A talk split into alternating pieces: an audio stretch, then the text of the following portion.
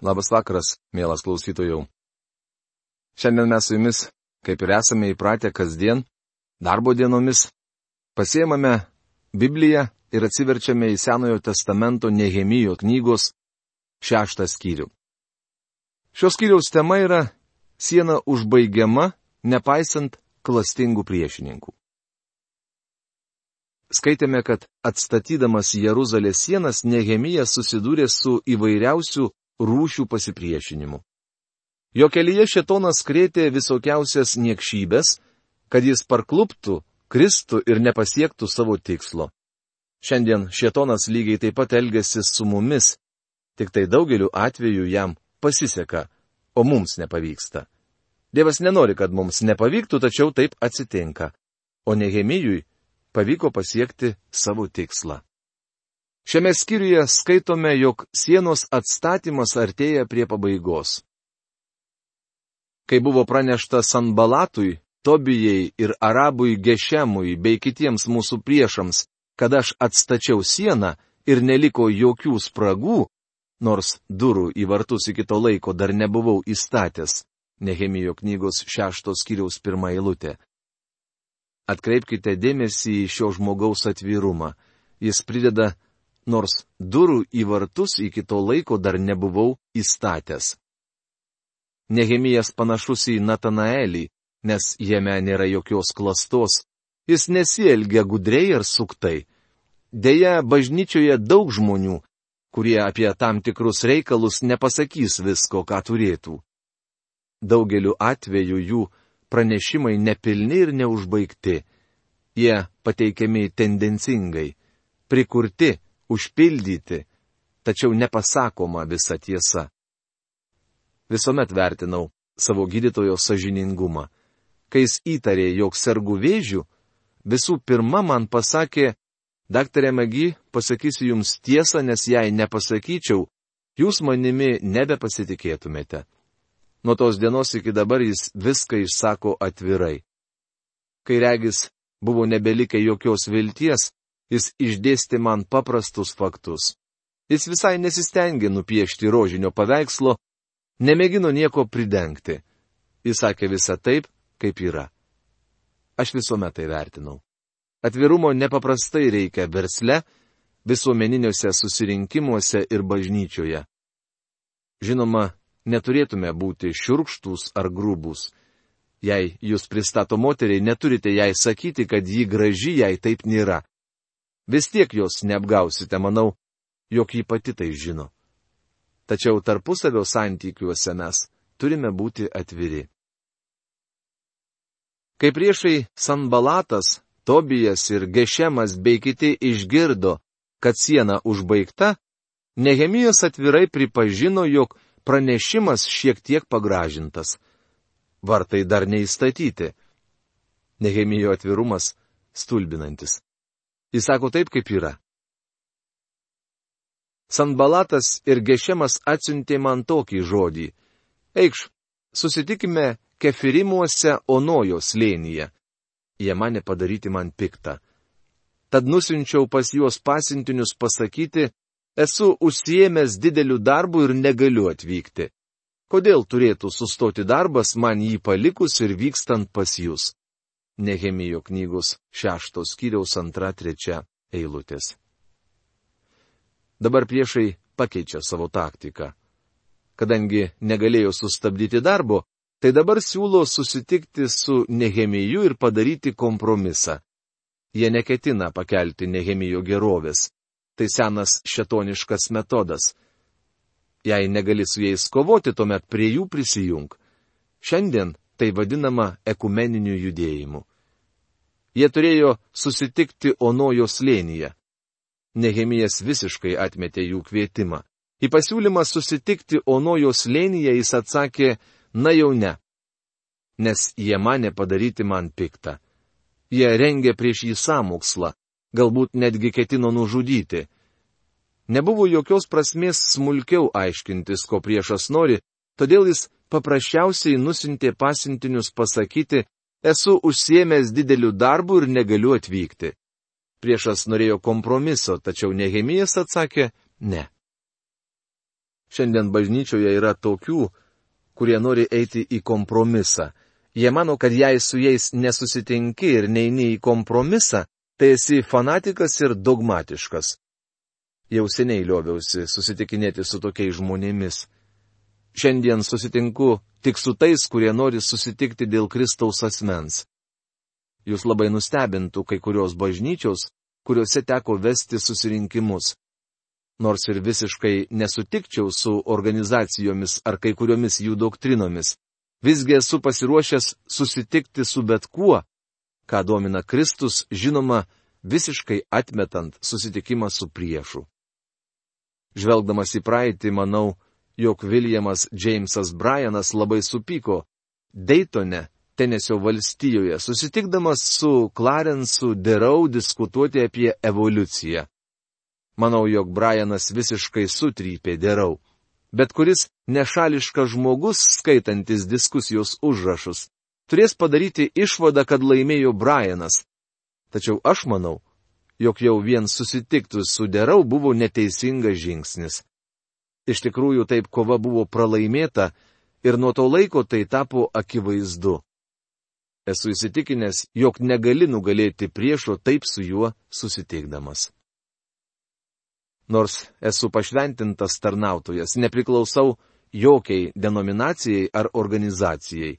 Dėl to galiu susitikti su bet kokiu žmogumi ar grupe žmonių, kurie tiki Dievo žodžiu, Kristaus dievybė ir tuo, kad jis mirė už mūsų nuodėmes. Man nėra jokio skirtumo. Tačiau su priešais aš nesusitikinėju. Nehemijas darė gerą darbą ir neturėjo laiko kažkur eiti ir bendrauti su priešais. Dievo žmonėms nereikia eiti į kompromisus. Nehemijas turėjo tvirtą požiūrį ir dėl to aš juo žaviuosi. Keturius sykius jie atsiuntė tą patį žodį, o aš daviau jiems tokį pat atsakymą. Sanbalatas atsiuntė man tą patį žodį penktą kartą per savo tarną su nenspauduotų laiškų rankoje.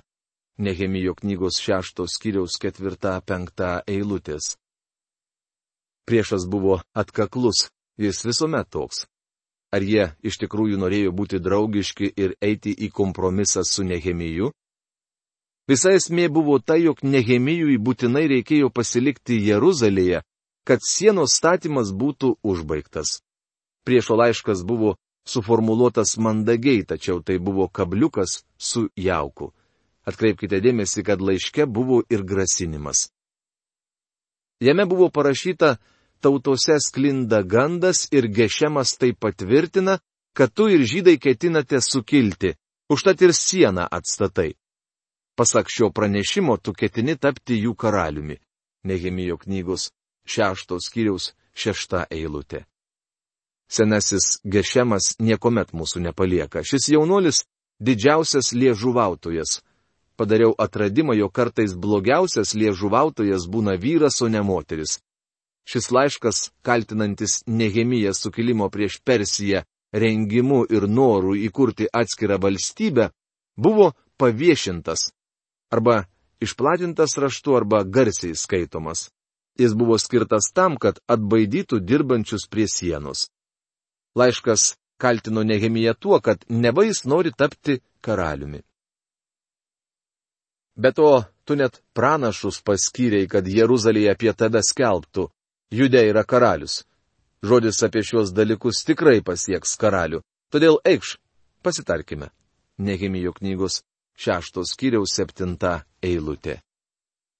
Jie ne tik kaltino Nehemiją tuo, jog jis gviešėsi karaliaus valdžios, bet ir tuo, jog nusamdė pranašus palaikyti jo žodžius. Apie Nehemiją buvo skleidžiamos siaubingos apkalbos. Laiške buvo rašoma, kad jie nori sužinoti, ar tai tiesa, nes ketina apie tai pranešti karaliui. Jie daro spaudimą, kad Nehemija su jais susitiktų. Tada nusinčiau jam tokį atsakymą. Dalykų, kuriuos mini, nėra buvę. Tu juos iš savo vaizduotės prasimonai, Nehemijo knygos šeštos kiriaus aštunta eilutė. Štai kokia buvo Nehemijo reakcija į priešų žodžius. Tu negirdėjai to, kuo mane kaltini. Tu pats viską sugalvojai. tokiu mandogiu būdu jie buvo pavadinti melagiais. Mat visi jie norėjo mus išgazdinti manydami, jie nuleis rankas ir darbas nebus užbaigtas. O dabar Dieve, sustiprink mano rankas. Nehemijo knygos šeštos skyriaus devinta eilutė. Susidūręs su šia problema, Nehemijas kreipėsi į viešpatį. Jis godėsi, priešas taip elgesi, kad mane susilpnintų ir sutrukdytų tavo darbui. Sustiprink mano rankas. Kartą man užėjus aplankyti Mehetabelio sunaus Delajus, sunaus Šemajus, negalėjusio pas mane ateiti, šis tarė. Susitikime Dievo namuose šventyklos viduje ir uždarykime šventyklos duris, nes jie ateina tavęs nužudyti. Iš tikrųjų, šią naktį jie ateina tavęs nužudyti. Bet aš atsakiau, ne jau žmogus kaip aš turėtų pabėgti, argi vyras kaip aš eitų į šventyklą gelbėti savo gyvasties? Ne, aš neįsiu. Nehemijo knygos šeštos skyriaus 10-11 eilutės. Šemaja, netikras pranašas, apsimeta labai besirūpinas Nehemijo saugumu. Jis tvirtina norys atskleisti samokslą prieš valdytojo gyvybę. Šventikla buvo vienintelė vieta, kur Nehemijas būtų saugus. Šemaja prašo jį labai bailiai pasielgti. Tačiau jis nesitikėjo iš Nehemijo tokios dvasinės išvalgos. Tada aš suvokiau ir man buvo aišku, kad ne Dievas buvo įsiuntęs, bet tą pranašavimą apie mane jis ištarė dėl to, kad Tobija ir Sanbalatas buvo jį pasamdę, įdant elgčiausi iš baimės ir padaryčiau nuodėmę. Tada turėdami ką gėdingą pasakoti, jie būtų galėję mane apšmeišti. Atsimink Tobiją ir Sanbalatą, mano Dieve, už šiuos jų darbus taip pat pranašę Nuadiją bei kitus pranašus, norinčius įvaryti man baimės. Nehemijo knygos 6 skyriaus 12-14 eilutės.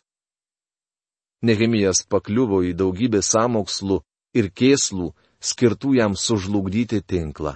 Jis susitvarkė su mine, apsimetančia jo draugais, tačiau vis tiek yra sunkioje padėtyje. Jis tarp kūjo ir priekalo. Jis apsisuka ir vėl atsiduria samokslo vidury, tačiau grežiasi į Dievą. Žemė vėl buvo prakeikta dėl netikrų pranašų. Regis jie buvo ryštingiausi Dievo tarnų priešai. Taigi siena buvo užbaigta Elulo mėnesį 25 dieną per 55 dienas. Nehemijo knygos 6 skyriaus 15 eilutė. Siena buvo užbaigta be trimitų fanfarų, be didelių ceremonijų ar juostelių kirpimo. Apie tai išgirdę, visi mūsų priešai, visos apylinkės tautos išsigando ir nustojo drąsos, nes suprato, kad tas darbas buvo atliktas padedant mūsų Dievui. Nehemijo knygos šeštos skyriaus šešiolikta eilutė. Darbas buvo baigtas per 55 dienas. Tik Dievas galėjo tai per juos padaryti. Tačiau netgi dabar, kai siena užbaigta, dar tebegrėsia pavojus.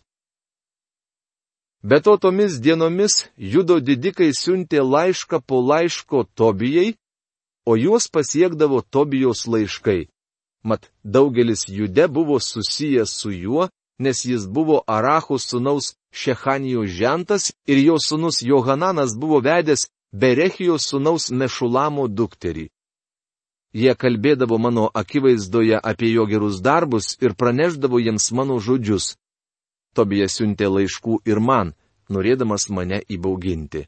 Nehemijo knygos 6 skyriaus 17-19 eilutės. Priešas vis tiek ir toliau atkakliai priešinosi, siuntinėdamas laiškus judo didikams. Tobija matyt vedė vieno iš didikų dukterį. Visą šį laiką vyko Dievo priešų sankalba.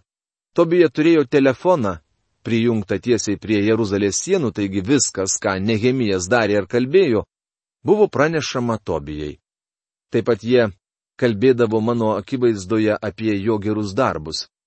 Taigi šie per santuoką susigiminiavę žmonės ateidavo pas Nehemiją ir sakydavo, Nehemijau, tu per griežtas Tobija, jis tikrai mielas žmogus. Tuomet jie pradėdavo pasakoti apie jo gerus darbus. Ir praneždavo jiems mano žodžius.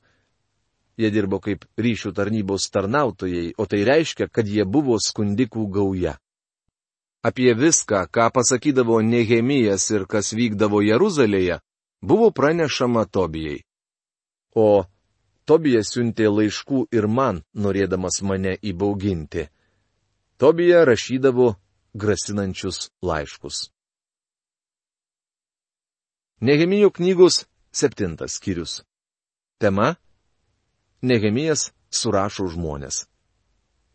Pradėdami nagrinėti šį skyrių, matome, kad siena užbaigta. Dabar žmonės pradeda saugoti Jeruzalės miestą. Daugelis namų jau pastatyti, tačiau miesto viduje reikia dar daug ką padaryti. Jie vis dar valo griuvėsius. Miestą saugoti būtina, nes priešas, kuris stengiasi sutrukdyti ir sukliudyti sienų atstatymui, dabar norėtų sugriauti miestą. Kai siena buvo atstatyta ir durys įstatytos, buvo paskirstytos užduotis vartininkams, giesmininkams ir levitams. Nehemijo knygos septintos skyriaus pirmą eilutę. Kai siena buvo užbaigta, Nehemijas į skirtingus vartus įstatė duris ir paskyrė šio žmonės saugoti miestą. Vartininkai buvo sargai. Jie prižiūrėjo sieną.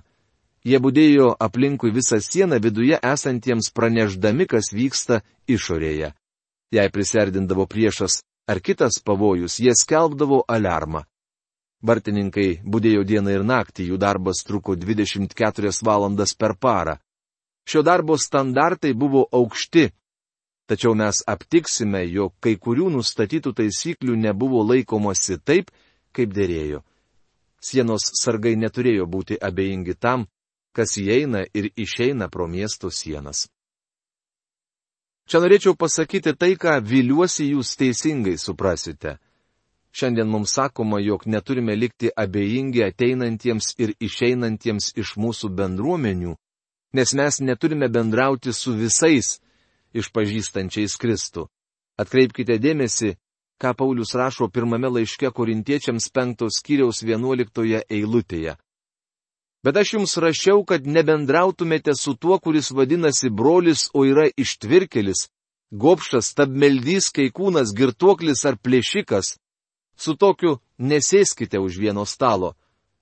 Nors šiandien doktrinai turime skirti didžiausią prioritetą, pavyzdžiui, negalime broliautis ar garbinti su tais, kurie neigia šventojo rašto neklystamumą. Tačiau Paulius nerašo apie doktriną, kai sako, jog neturime bendrauti su ištvirkeliais. Jis kalba apie tą vyrą ar moterį bažnyčioje, kurie nesutramdo nuodėmė savo gyvenime. Bendravimas pagrystas mokymu. Mes nustojame bendrauti su tais, kurie nesutinka su mūsų mokymu. Tačiau čia Paulius teigia, jog elgesys yra pagrindas nutraukti bendravimą, taip pat kaip ir doktrina. Pietų Kalifornijoje vienas pamokslininkas pateko į bėdą. Jis buvo apkaltintas dėl moralės. Pamokslininkas persikėlė į kitą vietovę ir vėl nutiko tas pats. Tačiau žmonės jo naujoje bažnyčioje jau buvo dėl to įspėti. Jie norėjo nekreipti dėmesio į nuodėmę, nes jo doktrina buvo teisinga jo elgesys vos nesugriovė bažnyčios. Regis mes turime vieną pusį vaizdą. Mes akcentuojame mokymą, taip ir turėtų būti, tačiau kaipgi moralė? Kaip Paulius liepia nebendrauti su broliu, kuris yra ištvirkelis arba gopšas, jis nekalba apie mokymą. O kaipgi tada žmogus, kuris geidžia pinigų, kaipgi negarbingas žmogus, ar turime bendrauti su tokiais? Supraskime, kad nutraukti bendravimą su kitu tikinčiuoju dėl mokymo nereiškia, jog turime įteisti. Jaunam pamokslininkui Paulius rašo, bet nepajudinamai stovi Dievo pamatas su iškirstu įrašu. Viešpats pažįsta savuosius ir te atsitraukia nuo neteisybės kiekvienas, kuris garbina viešpaties vardą. Antras laiškas Timotėjui, antras skyrius, deviniolikta eilutė. Nei jūs nežinote, nei aš nežinau, kas iš tiesų yra Dievo vaikai. Tačiau Dievas pažįsta savuosius. Jūs ir aš nesame pašaukti į kryžiaus žygį, nes juos teis Dievas. Mes turime su jais nebendrauti, o neteisti. Svarbu tai, jog mes tikintieji turime būdėti. Tinkamas mums moto būtų amžinas budrumas yra laisvės kaina. Jeruzalės miestui saugoti Nehemijas paskyrė ne tik vartininkus, bet ir giesmininkus. Galiu jūs užtikrinti, jog tai grupiai nepriklausau. Kitame skyriuje rasime tokius Nehemijo žodžius. Džiugesys viešpatyje yra jūsų stiprybė, garbinimo dvasia yra jėgos dvasia. Tai reiškia, jog turėtume būti besidžiaugiantys žmonės, tačiau dažnai šio laikinėje bažnyčioje džiaugsmų stinga. Bažnyčia nesusideda iš laimingų žmonių sambūrio. Taip, jie juoksis iš linksmo pasakojimo ir džiaugsis puotoje, tačiau Biblijos studijos džiaugsmo jiems neteikia. Jei jūs galėtumėte pabuvoti mano vietoje, kur aš praleidau daugelį metų, suprastumėte, kaip tai atsispindi žmonių veiduose. Paprastai ramybę bažnyčioje drumšia tie, kuriems nepatinka studijuoti Bibliją. Laiške Efeziečiams 5 skyriaus 18-19 eilutėse Paulius apibūdina šventosios dvasios pripildytą krikščionį. Ir nepasigerkite vynu, kuriame slypi pasileidimas, bet būkite pilni dvasios. Kalbėkite psalmių, himnų bei dvasinių giesmių žodžiais, gėdokite ir šlovinkite savo širdise viešpatį Nors aš galiu kalbėti, tačiau negaliu dainuoti. Vis dėlto galiu dainuoti savo širdyje. Jei manyje yra muzika, tai ji yra būtent širdyje. Ji ten ir pasilieka. Tačiau kartais mano širdis dainuoja ir aš labai norėčiau dainuoti balsu. Šioje eilutėje žodis psalmis reiškia šlovinti. O koks saldus Jėzaus vardas. Žodis himnai reiškia priskirti Dievui tobulumą. Šventas, šventas, šventas kareivijų viešpats. Mes turime gėdoti apie tai, koks jis nuostabus. Jis atneš į mūsų gyvenimą džiaugsmą. Neseniai sėdėjau vieno pastoriaus studijoje ir ant sienos pamačiau užrašytą jo moto. Džiaugsmas yra širdyje plasdanti vėliava, kai šeimininkas yra savo rezidencijoje. Kai gyveni Dievo valioje, kai nuo jos nenukrypsti, kai turi su juo bendravimą, tavo gyvenimas bus kupinas džiaugsmo. Kaip tai nuostabu. Didinga miestui pertinka turėti vartininkus ir giesmininkus. Tačiau tai dar ne viskas. Buvo paskirti ir levitai. Jie buvo tarnautojai. Dievas šaukia tarnautojus. Patarlių knygos 18 skyriaus 16 eilutėje parašyta, žmogaus dovana atidaro duris ir praskina kelią pas didžiūnus. Tai didelė tiesa. Jei Dievas pašaukė tave būti tarnautoju, jis tau atvers duris. Tai yra, jis suteiks tau vietą tarnauti.